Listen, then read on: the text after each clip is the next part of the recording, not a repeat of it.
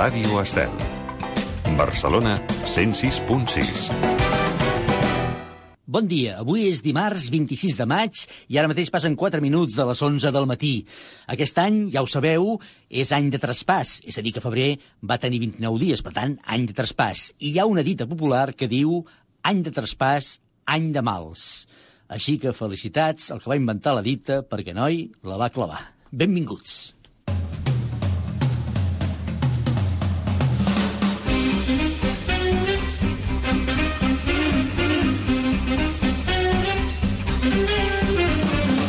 Oh, Déu meu, cada dia una llista de 10 per enriquir la nostra vida.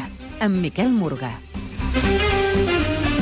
I és que moltes vegades la saviesa popular no és bestiesa popular, no, no, i diu coses i encerta coses que mai no ens haguéssim arribat ni a imaginar. Però aquí estem, aquí estem cada dia reptant tot allò que pronostica aquesta saviesa i a punt, de moment, per fer un nou programa amb una llista de 10 a la vista. I avui ja us avanço que el nostre top 10 estarà ben ple de dones atractives, d'actrius atractives, perquè avui busquem les 10 actrius del cinema més atractives de la història. I tot l'equip del programa ja és a punt i ansiós per saber quins noms confirmaran aquesta llista d'avui. El control tècnic i muntatge musical, el Jordi Carretero. Bon dia, Jordi. A la redacció, el Marc Gabernet, preparat i amatent com cada dia. Bon dia, Marc. Bon dia, preparat per parlar de gent molt guapa, com nosaltres. Com nosaltres, efectivament, bé, uns més que altres, també cal dir-ho, però ara no entrem en detalls. I fem companyia des dels estudis de Radio Estel, un home que també, va, diguem-ho, també és guapo, un home que avui ha vingut, a més a més, molt content i feliç perquè diu que és un fan del cinema i un fan molt especialment de les actrius del cinema. Bon dia, senyor Ramon. Ay, pues, pues sí, señor Miquel, sí, sí, esto, esto que ha dit és una veritat com un templo, eh? Molt bon dia, senyor Miquel. Zap,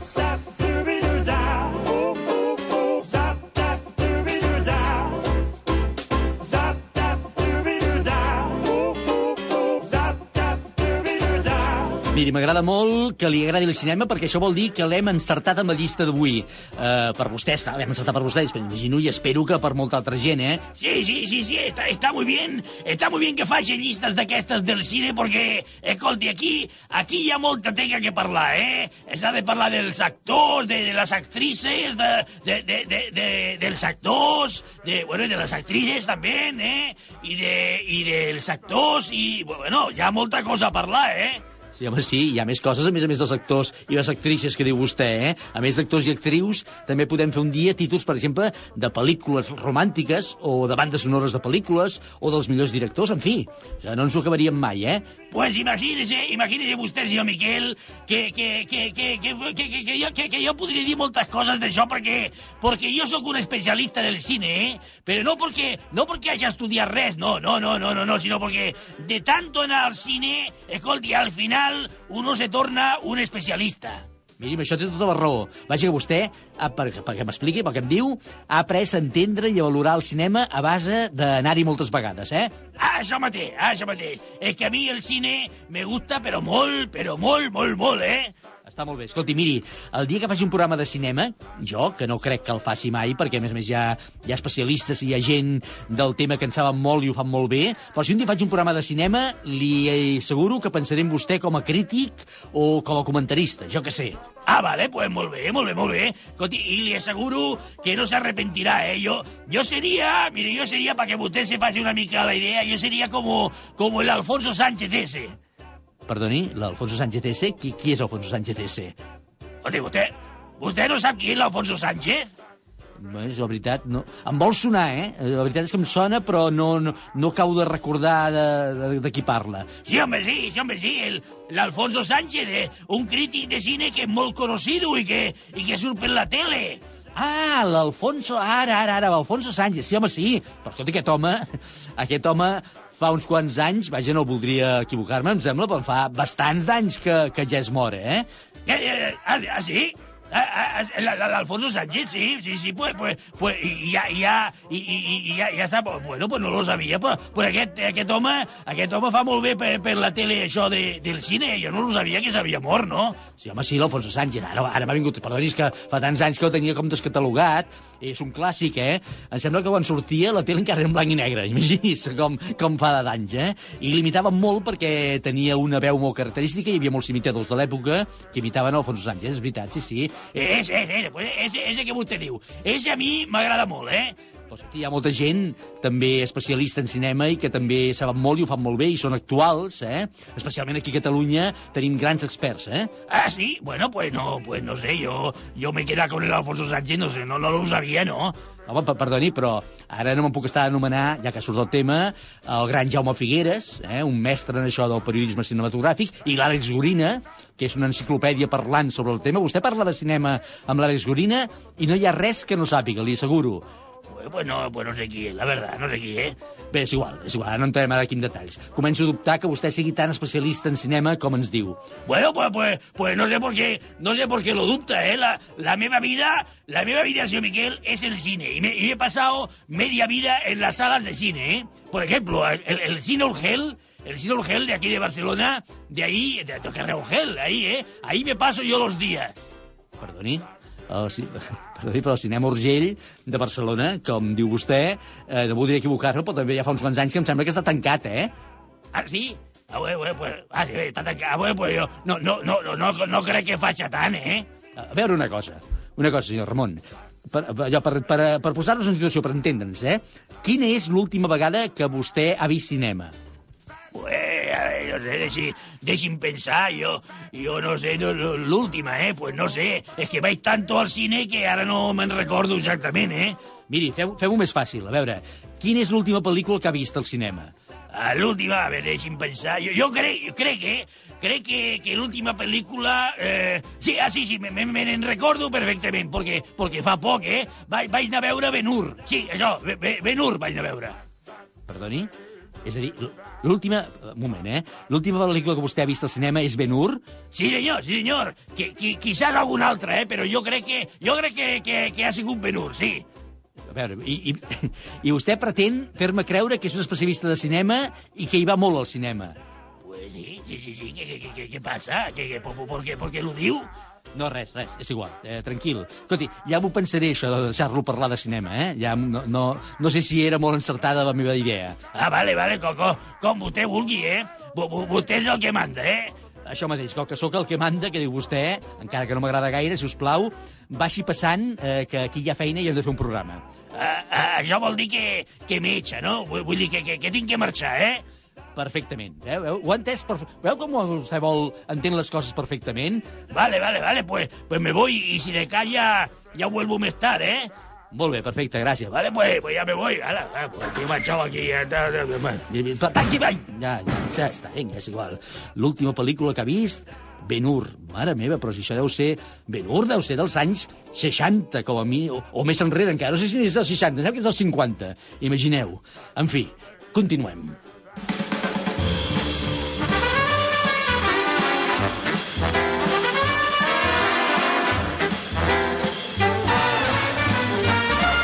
Avui, a la Déu meu, ja us anunciàvem ara mateix, i eh, ahir també ja en fèiem 5 cèntims, us proposem una llista amb el nom d'actrius de cinema. Busquem les 10 actrius de cinema més atractives de la història. La setmana passada vam fer la llista dels 10 actors més atractius, doncs avui us demanem noms d'actrius, les 10 actrius més atractives, tant si són actrius actuals, com si diguéssim, com si ja no estan entre nosaltres, que segur que en trobeu unes quantes eh, noms que mereixen estar en una llista com aquesta. I com sempre, ens quedarem curts perquè segur que necessitaríem més noms que no només 10, que són els que entren al nostre top 10. Però aquestes són els noms del joc i són les que tenim entre mans, 10 noms d'actrius, d'aquí o d'allà, actuals o no tant, però que per vosaltres tinguin un atractiu especial. Ja hi ha hagut gent que ens ha fet arribar uns quants noms, però durant el programa encara teniu temps de fer-nos arribar les vostres opcions, tot participant. I de moment, per si teniu dubtes o mentre hi aneu pensant, us hem preparat un informe que potser us ajudarà a acabar-vos de decidir. Ens arriba de la veu del Marc Gabernet.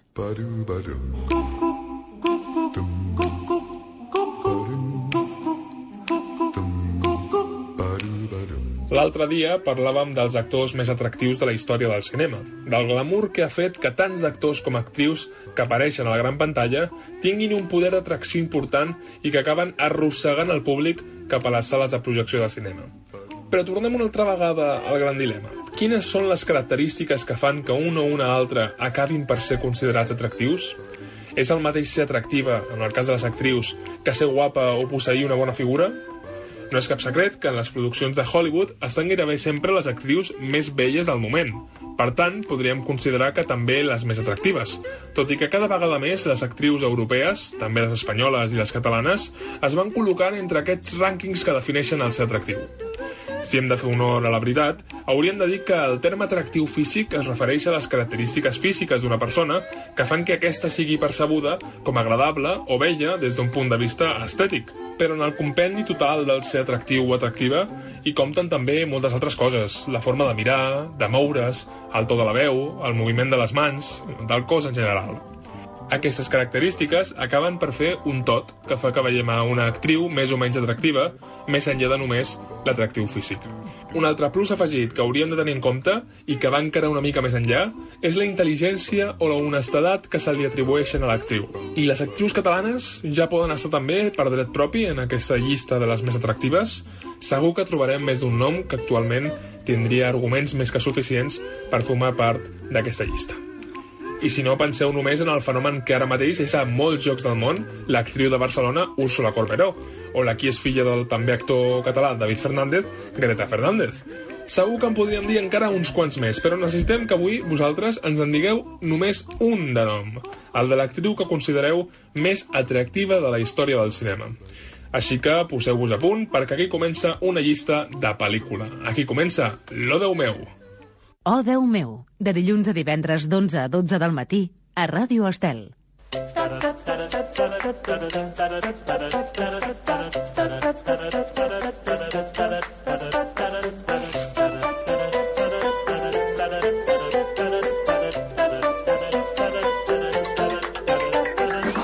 Molt bé, doncs a partir d'aquí comencem el camí de la llista d'avui. Quines són per vosaltres les 10 actrius de cinema més atractives de la història?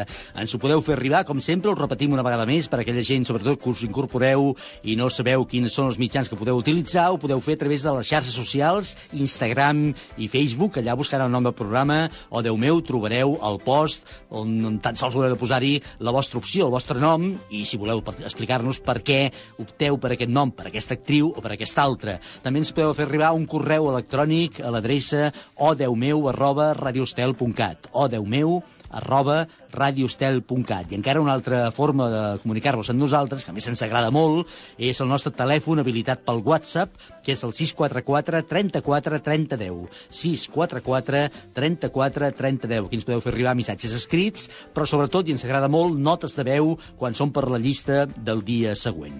A més a més, us recordem una vegada més, tenim una pàgina web fantàstica on hi trobareu tota la informació del programa, on hi veureu fotos del programa, on podeu escoltar tots els programes que hem emès fins ara, eh, l'enllaç en directe també per escoltar la ràdio online, a Ràdio Estel, i a més a més tindreu totes les indicacions per poder participar al programa. I recordeu que entre tots que participeu, cada dia tenim un lot de vins Lovers Wine Elegance. M'agrada saber cada dia que em tens, que tinc, que ens tenim. Lovers Wine Elegance. Vins creatius i mediàtics. Ens trobareu al carrer Besalú número 60 de Barcelona o visiteu-nos a la nostra botiga online www.elplacerdelatierra.com I recorda que som els creadors del vi Pepe Rubienes. Lovers Wine Elegance. Vins que desperten passions.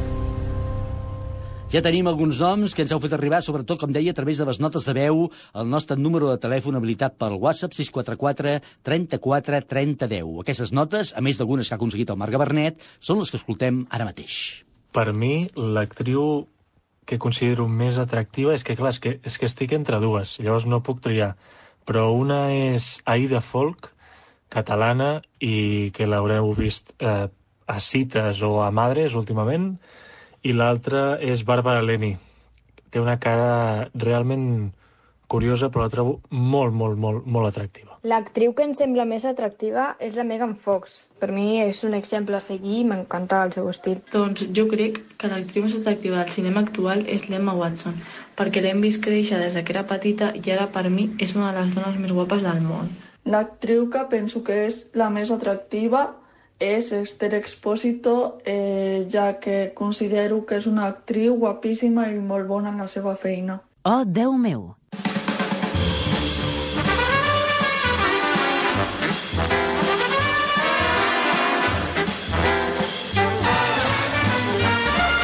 10 actrius de cinema més atractives de la història. Esclar, i amb això de l'atractiu, cadascú hi posa un valor diferent. Un li agradarà per la mirada, l'altre per la forma en què parla, per la forma que es mou, perquè té una boca més sensual que una altra, perquè, en fi, cadascú dirà el que voldrà i aquí sí que és totalment subjectiu. Per tant, és una llista que tenim moltes ganes de saber com acaba avui la nostra llista de 10.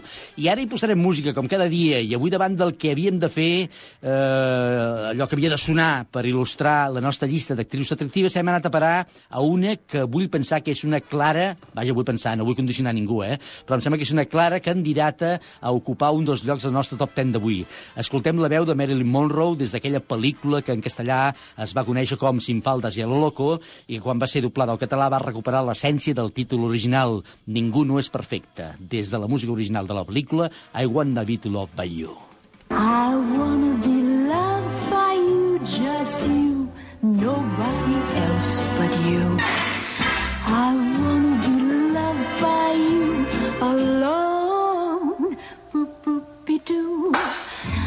I wanna be kissed by you, just you, nobody else but you. I wanna be kissed by you alone. I couldn't aspire to anything higher than to feel the desire to make you my own. Ba-dum, ba-dum, ba-doodly-dum. I wanna be loved by you, just you, nobody else but you. I wanna be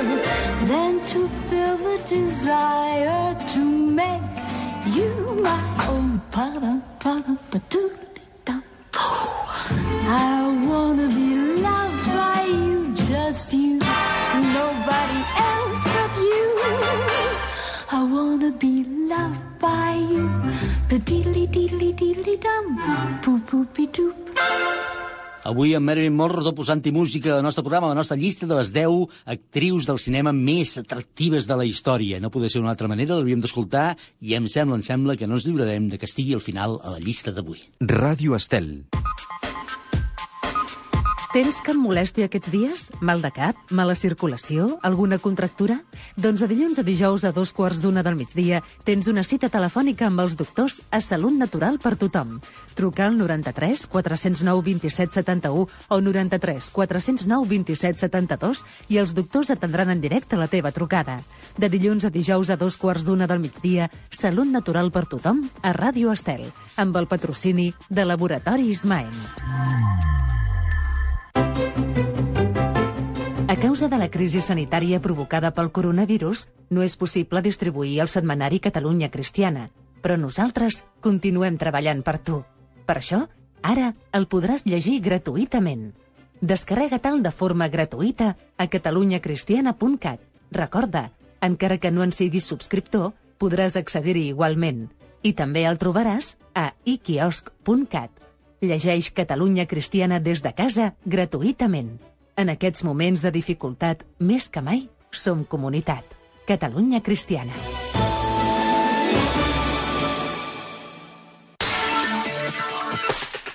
La informació que t'interessa en un sol portal. L'actualitat eclesiàstica en un sol punt de trobada. radioestel.cat és el teu portal informatiu. Connecta-hi i actualitza't. radioestel.cat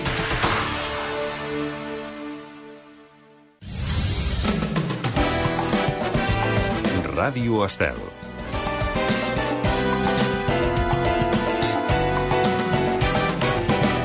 Oh, Déu meu, amb Miquel Morgà.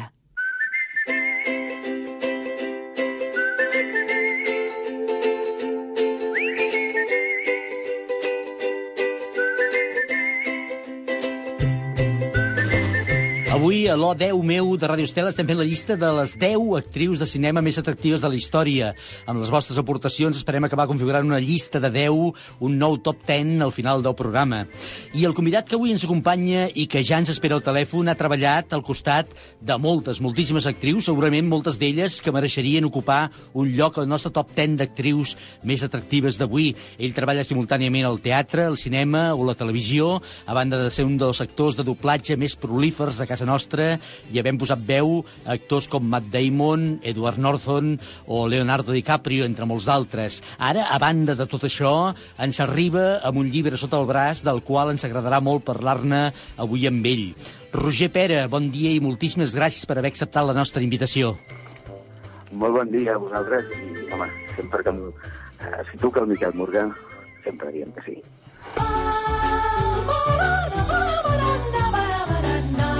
Doncs moltes gràcies. Això per començar. En Roger Pera, com us deia, ja ho sabeu, és actor, l'ofici li ve de família, els Peres s'han constituït gairebé com una saga, sobretot en el món del teatre. S'ha passat les últimes temporades, entre altres muntatges teatrals, amunt i avall, sense parar, amb orgasmes la comèdia.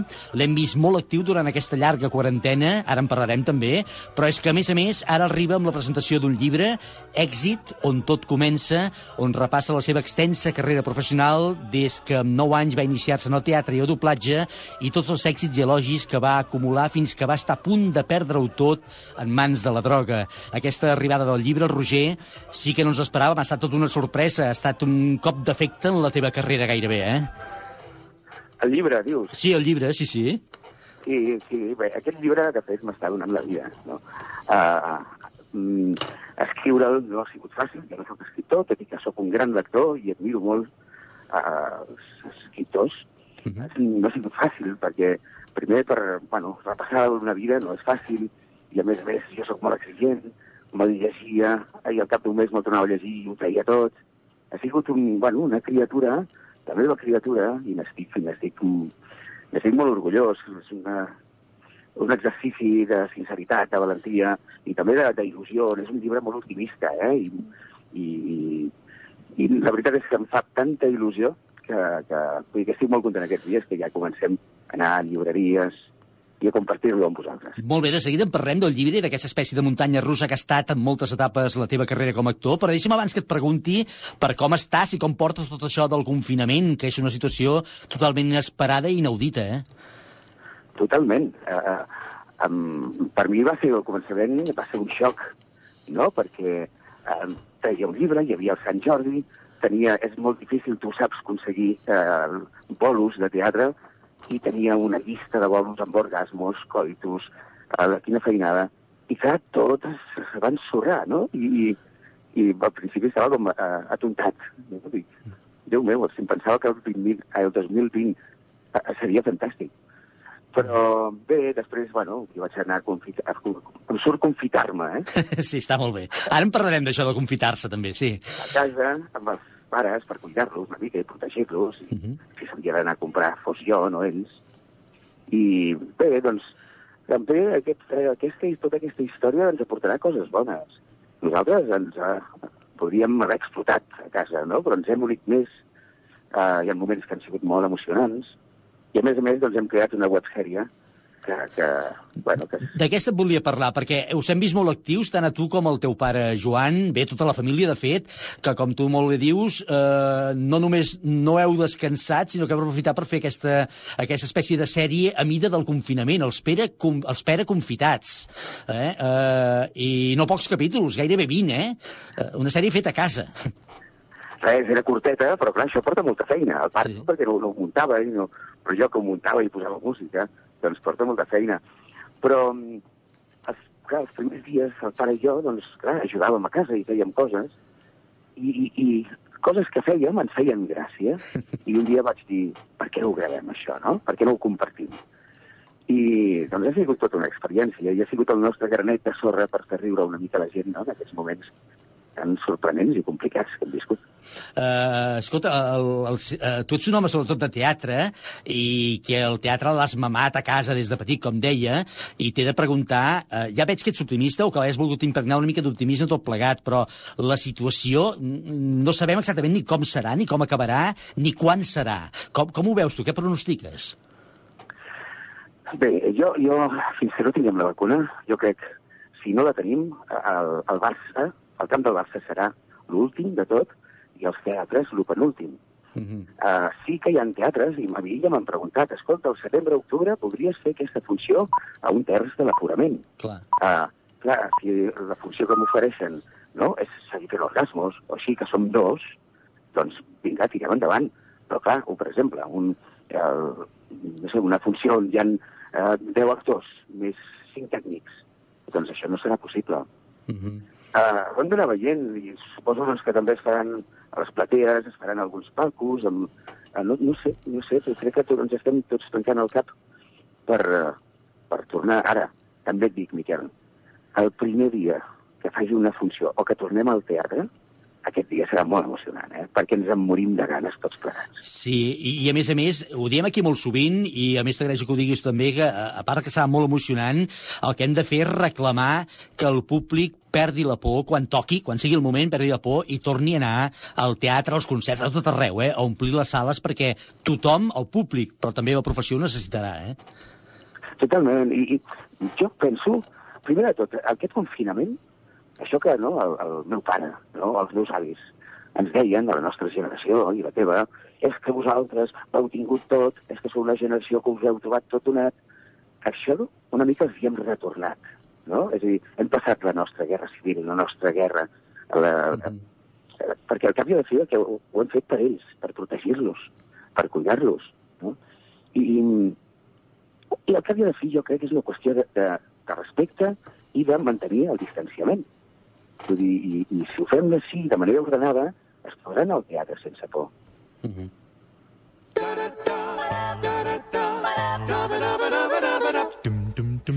El cert és, i és sobretot per això que hem volgut avui parlar amb tu, Roger, és que ara, de cop i volta, arribes, com ens deies, amb la presentació d'un llibre. Per tant, Roger Pera, escriptor, un llibre que és una autèntica confessió personal a partir del teu drama amb les drogues.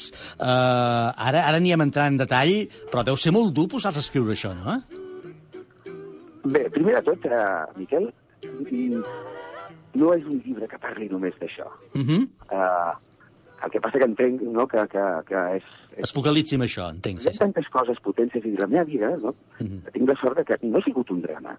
Eh, Hi ha hagut moments que han sigut molt difícils, i alguns dramàtics, però altres moments hi ha hagut èxits, rialles, molt sentit a l'humor, m'han passat anècdotes sorprenents, tant aquí com a l'Havana, com a Mèxic. D'això va tot el llibre. Una mica és la vida mateixa, no?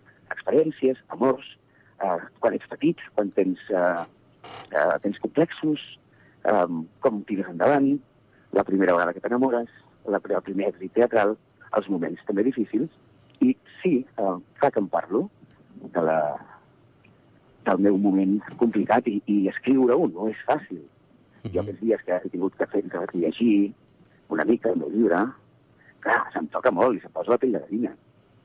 Però eh, és un llibre en el, també divertit, eh, sorprenent i, i emociona, no? Al final emociona. I per què en parlo, no?, del tema... És a dir, per què ho dic i ho explico obertament? És per necessitat, per necessitat de compartir-ho i perquè imagina't que no em parlessin del coronavirus. Uh -huh. Estaríem tots infectats. l'única manera de parlar i solucionar les coses és parlar-ne.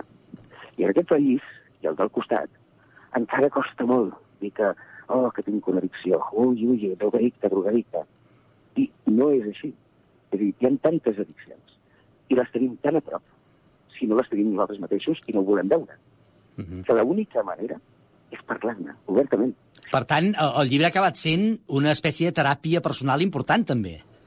Totalment, per això et dic que, que el llibre m'està donant la vida, perquè, eh, i a més a més, no, no, ara hem parlat les presentacions, però només el presento a llibreries, ara online, sinó que estava programat i ho faré quan toqui, que això també serà difícil, també aquests darrers mesos he anat a les escoles a parlar-ne, Mm -hmm. no? Es va, es va, i, i, i ha sigut molt interessant i els nanos ho han agraït molt.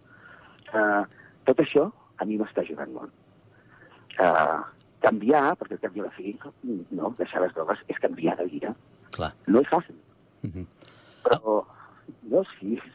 Però a mi m'agrada tant la vida i soc tan vital i m'agrada tant la gent que tot això és el que m'ha ajudat. Tinc la sensació, pel que dius i com ho dius i de la manera que ho expliques, que un cop poses la balança al damunt de la taula eh, pesa molt, molt, molt, molt, molt, moltíssim tot el de meravellós que t'ha donat aquesta professió, també, eh?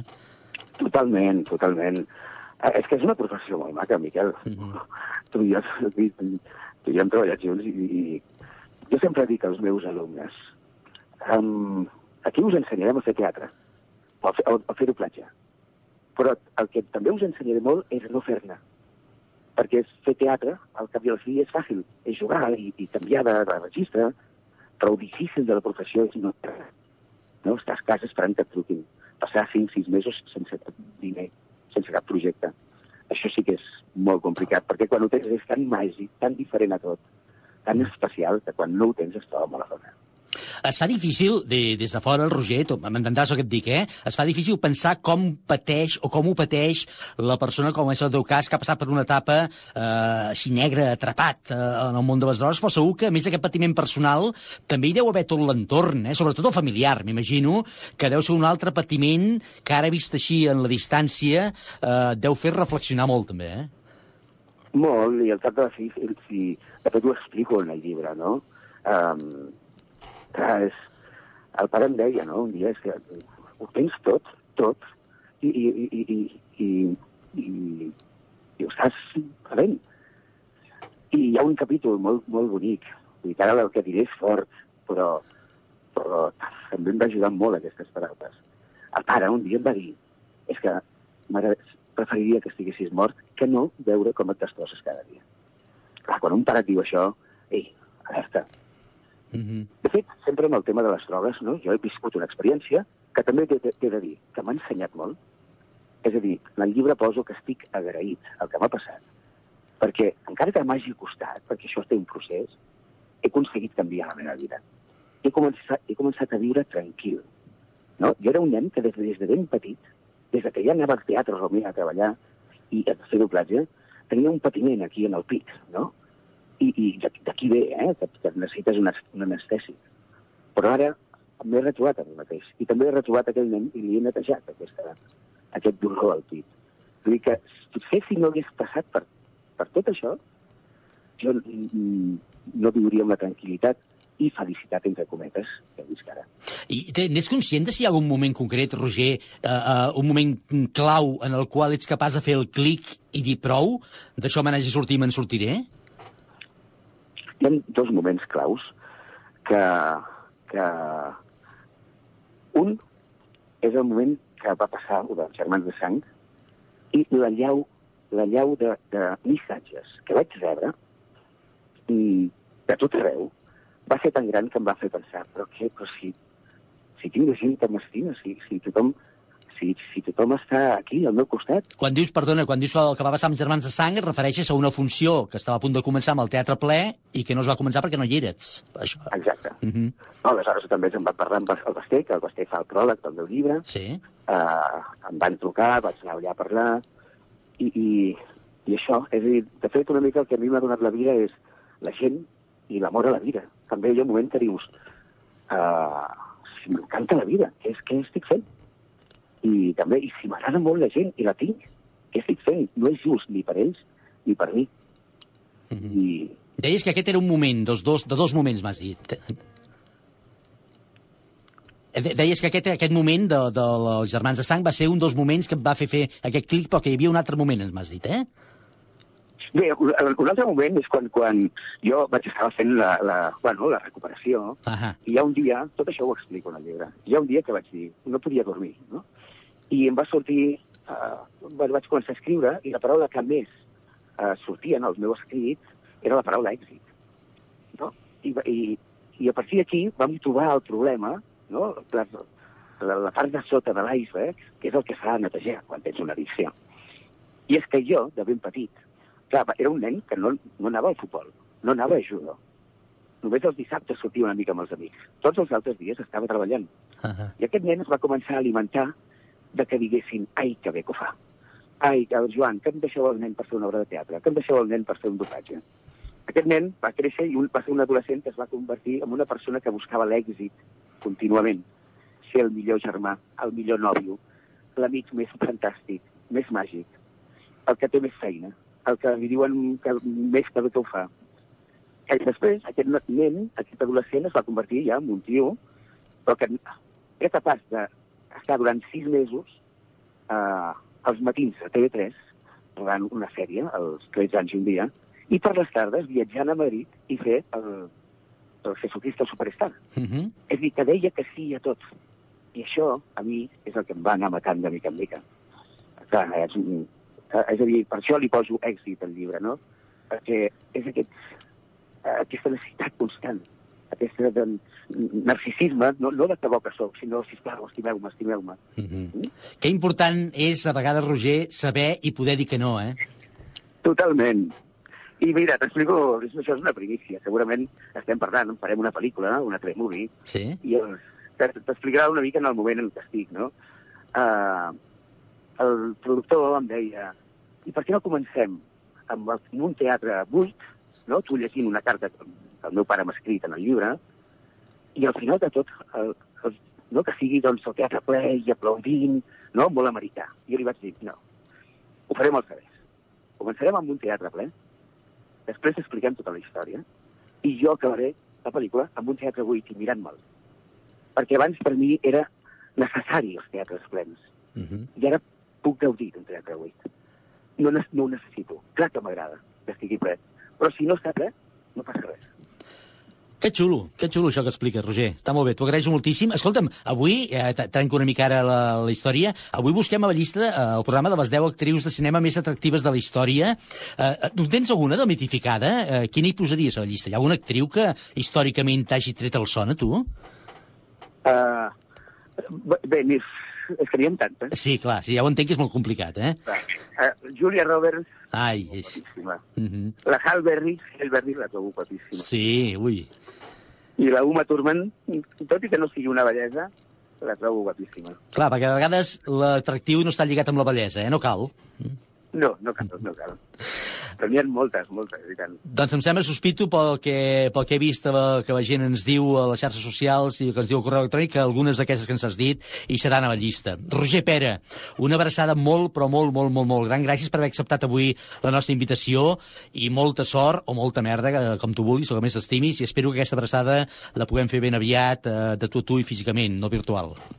Molt bé, només, eh, moltes gràcies, Miquel. Només dir-te que com que el meu llibre ha estat a magatzems, eh, a trist i sol tots aquests dies, dir-vos que a partir d'aquesta setmana, eh, i com a màxim el dijous, ja estarà a totes les llibreries. Es diu Èxit, on tot comença, i eh, és angle editorial que s'han portat eh, meravellosament i que els estimo moltíssim. Doncs moltes gràcies, així ho farem saber i així estarem amatents que aquest llibre estigui allà a les llibreries. Fins ben aviat, Roger, adéu-siau. Una abraçada. Oh, Déu meu, cada dia una llista de 10 per enriquir la nostra vida. Ba-ba-dum,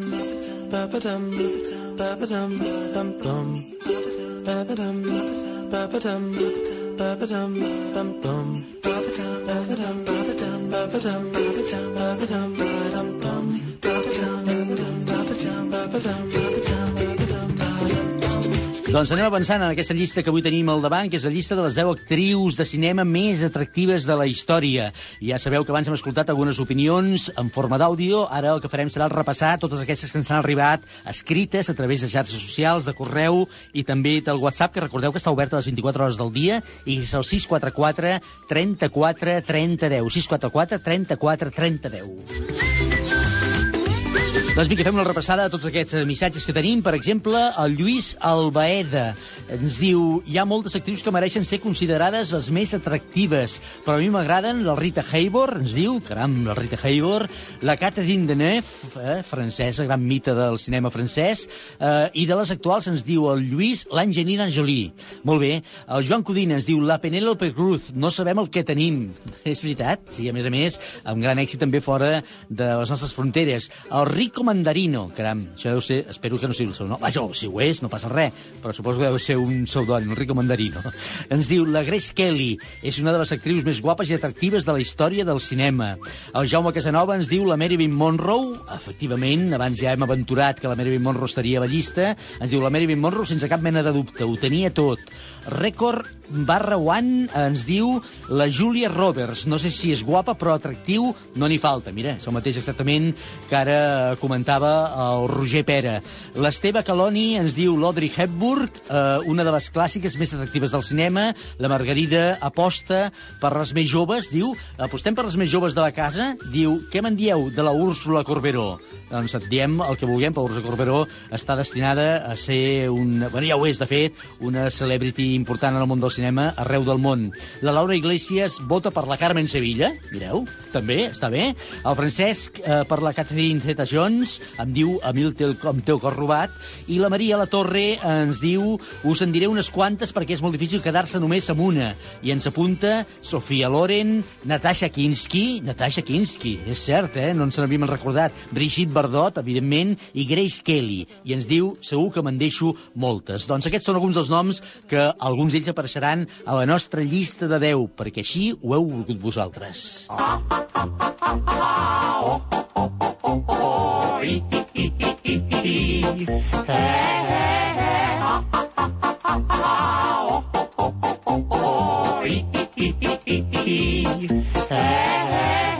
és que el món del cinema deu tenir moltes pàgines que ocupen l'internet. Vaja, que quan anem a l'internet a buscar cinema i sobretot quan anem a buscar actrius atractives del món del cinema, de la història del cinema, hi deu haver tantes coses a, a recollir i a, i a llegir que és una feinada que l'ha feta la Marisol de la Orden, que va tenir al telèfon. Marisol, què hi diu internet? Bon dia, com estàs? Bon dia, bon dia, Miquel.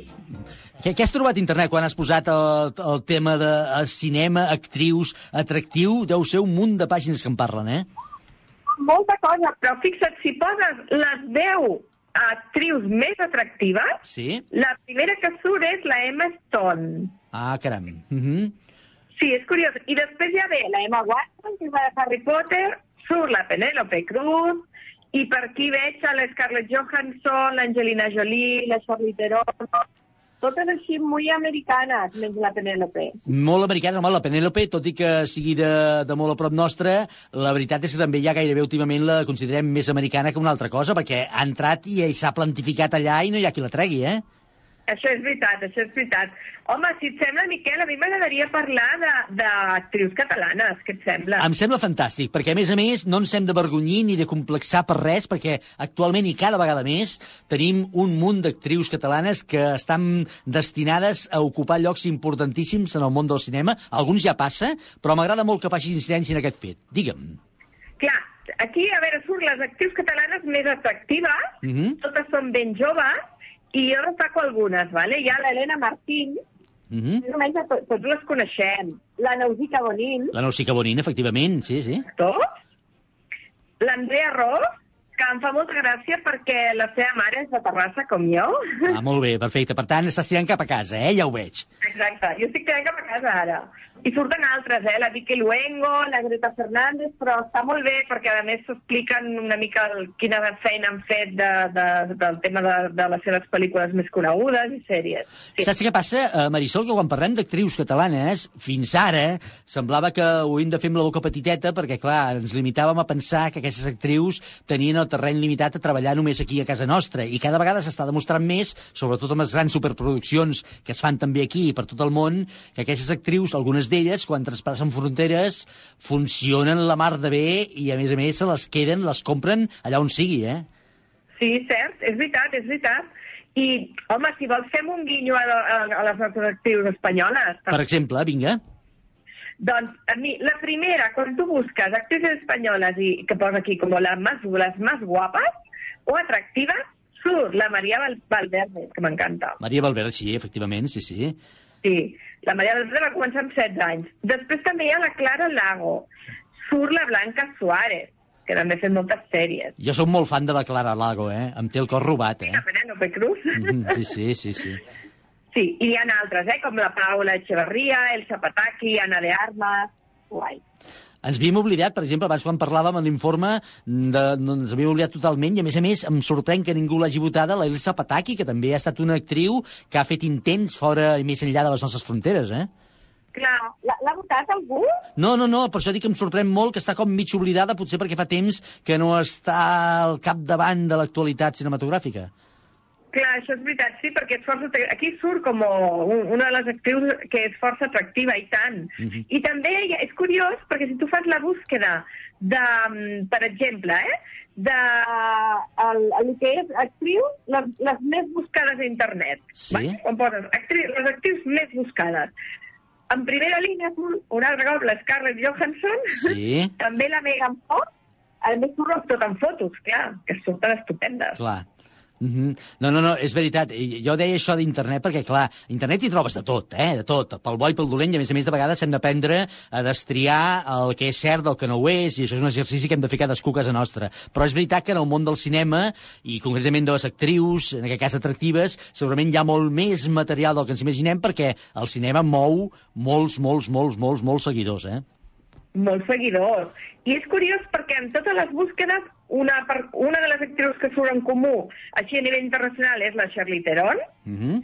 però, curiosament, jo penso que, més ben bé allò que guanya per goleada, la, la Emma Watson. L'Emma Watson, eh? Potter és Mhm. espectacular, surt a tot arreu. Molt bé, doncs ens ho apuntem també per tenir-ho en compte per acabar confeccionant aquesta llista de 10 d'avui. Uh, alguna cosa més a destacar que hagis trobat a internet i t'hagi sorprès a l'hora de les actrius atractives? En algun moment sí que posa, algunes d'aquestes actrius posen quina edat van començar.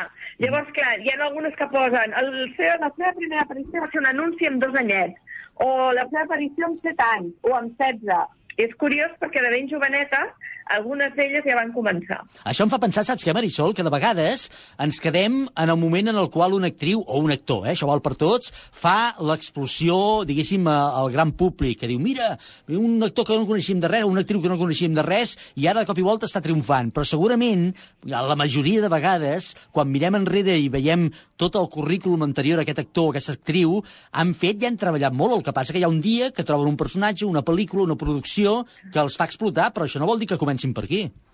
Cert, sí, sí, molt bon apunt. Llavors, és com molt curiós perquè internet indagues i ho posa. I una cosa molt xula que és, parlàvem de la Maria Valverde, que amb només 16 anys va guanyar el seu Goya la millor actriu, revelació. Llavors, clar, té molt mèrit, jo penso. Sí, hi ha el cas, per exemple, també, eh, Marisol, de la Úrsula Corberó, que ara està eh, triomfant a tot el món, a mig món, amb el seu personatge a la sèrie de la Casa de Papel, i que si anem buscant, buscant, buscant, trobarem que molt joveneta, però molt joveneta, ja havia fet intervencions en algunes sèries, alguns telefilms de TV3, per exemple, eh? Sí, és veritat, és Mhm. veritat. Sí, senyor, cert. Sí, sí, sí.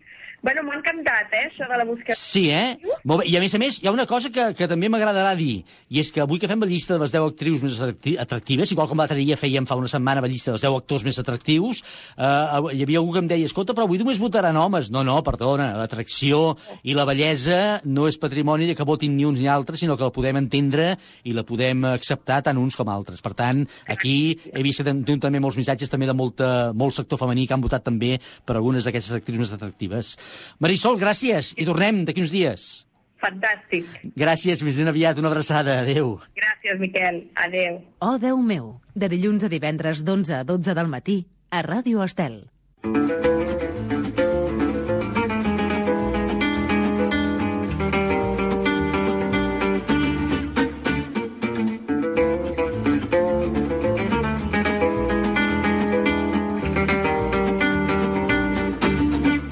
Molt bé, doncs ara sí, jo crec que ja ho tenim tot. Jo crec que ja tenim tota la informació necessària. Em fa l'efecte que podem confeccionar la llista de les 10 actrius de cinema més atractives de la història. Recordem una vegada més que, com sempre, quedaran moltes actrius fora, avui especialment, perquè hem fet aquí un, una espècie de test aquí a, en tota la gent que hi ha aquí a la ràdio, i tots dient noms diferents, doncs posem d'acord, uns diuen uns noms, n'hem fet com 50 de noms diferents, per tant, només n'hi caben 10 a la llista. I també recordem que tota la gent que hi heu participat, al final sortejarem un lot de vins Lovers Wine Elegance amb el vi Pepe Rubianes com a gran protagonista. Haguem escollit o no haguem escollit la vostra opció. Per tant, si esteu a punt i voleu saber ja quins són aquests 10 noms d'aquestes 10 actrius, ara mateix us ho diem. Cada dia una llista de 10 a Ràdio Estel. Número 1. Protagonista de pel·lícules com Esmorzar amb diamants o My Fair Lady. És de les actrius més elegants i atractives de la història del cinema. Estic parlant de Audrey Hepburn. Número 2. Per molts anys que passin, la seva bellesa i el seu atractiu no passaran mai de moda. A Itàlia la tenen com un mite de tot el país. Sofia Loren. Número 3. Segurament la pel·lícula Pretty Woman la va catapultar al més alt del món del cinema. El seu atractiu està fora de dubtes. Fins i tot en parlava ara en entrevista al Roger Pera. Ens referim a Julia Roberts. Número 4. També hi ha lloc per les de casa. En aquesta llista de 10, filla del també actor català Eduard Fernández, es presenta com una de les promeses del cinema català més internacionals. Greta Fernández. Número 5. Aquesta ha estat una autèntica revolució a partir del seu èxit, ara ho comentàvem, a la sèrie de televisió La Casa de Paper, però el món del cinema no li és aliè i segur que continuarà captivant els espectadors de tot el món. Úrsula Corberó. Número 6. L'actriu francesa per excel·lència, icona de la moda i mite del cinema dels anys 60, també té lloc en aquesta llista de 10. Estem parlant i ens referim a Brigitte Bardot. Número 7. Evidentment, no podia faltar en aquesta llista perquè irradia sensualitat per tot arreu i al costat de Brad Pitt forma una de les parelles amb més atractiu del cinema, Angelina Jolie. Número 8. És una de les grans estrelles del cinema clàssic, tot un símbol dels anys 50. També hi havia i moltes actrius atractives en aquelles dècades i als inicis del cinema, i a més a més aquesta va marcar un abans i un després en aquest món del cinema. Ens referim a Ava Gardner. Número 9. Aquesta sí que m'ha tocat la fibra perquè és una predilecció molt personal. Es diu d'ella que és de les actrius més belles dels últims temps. I quan dic belles ho dic amb B alta. Però també, segons vosaltres, és de les més atractives. Halle Berry. Número 10. I tanquem la nostra llista d'avui amb l'actriu que més bé va saber jugar a cavall entre la innocència i la sensualitat. Era inevitable que aparegués en aquesta llista de 10. La nostra llista d'actrius més atractives la tanca Marilyn Monroe.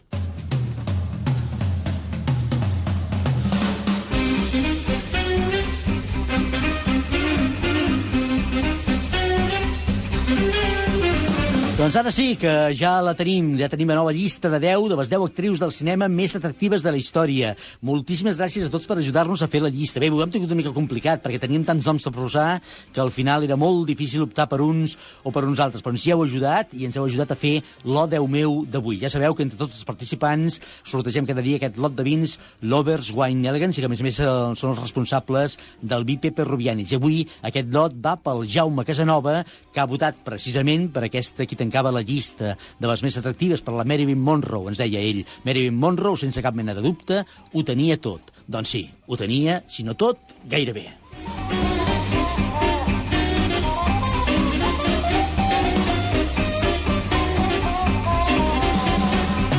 Però les llistes de 10 no paren a l'Odeu meu de Ràdio Estel. Ja sabeu que teniu a vostre abast tota una sèrie de possibilitats per participar-hi. Recordem les xarxes socials, a Instagram i a Facebook, on ens trobareu amb el nom del programa, o Déu meu, o el correu electrònic que ens podeu escriure sempre que vulgueu, no només per votar, sinó per dir-nos el que penseu, fer-nos suggeriments i, si voleu fer un comentari del programa, que és odeumeu arroba radioestel.cat i que, a més a més, tenim un mitjà que és immediat, que ens agrada molt perquè ens permet rebre la vostra veu gravada amb notes de veu a través del WhatsApp, el nostre número concret i particular del programa, que és el 644 34 30 10. 644 34 30 10.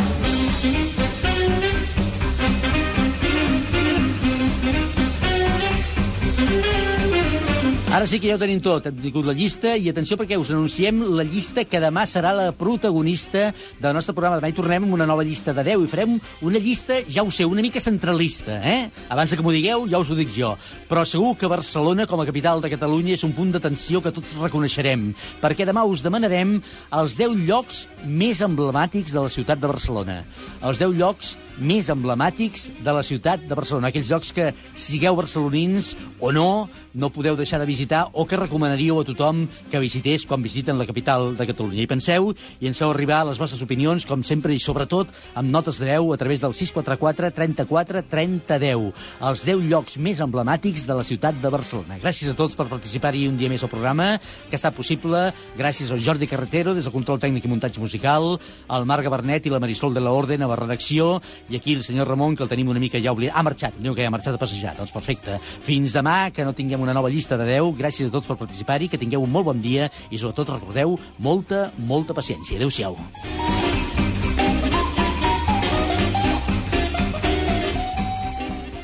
Oh, Déu meu, amb Miquel Morgà.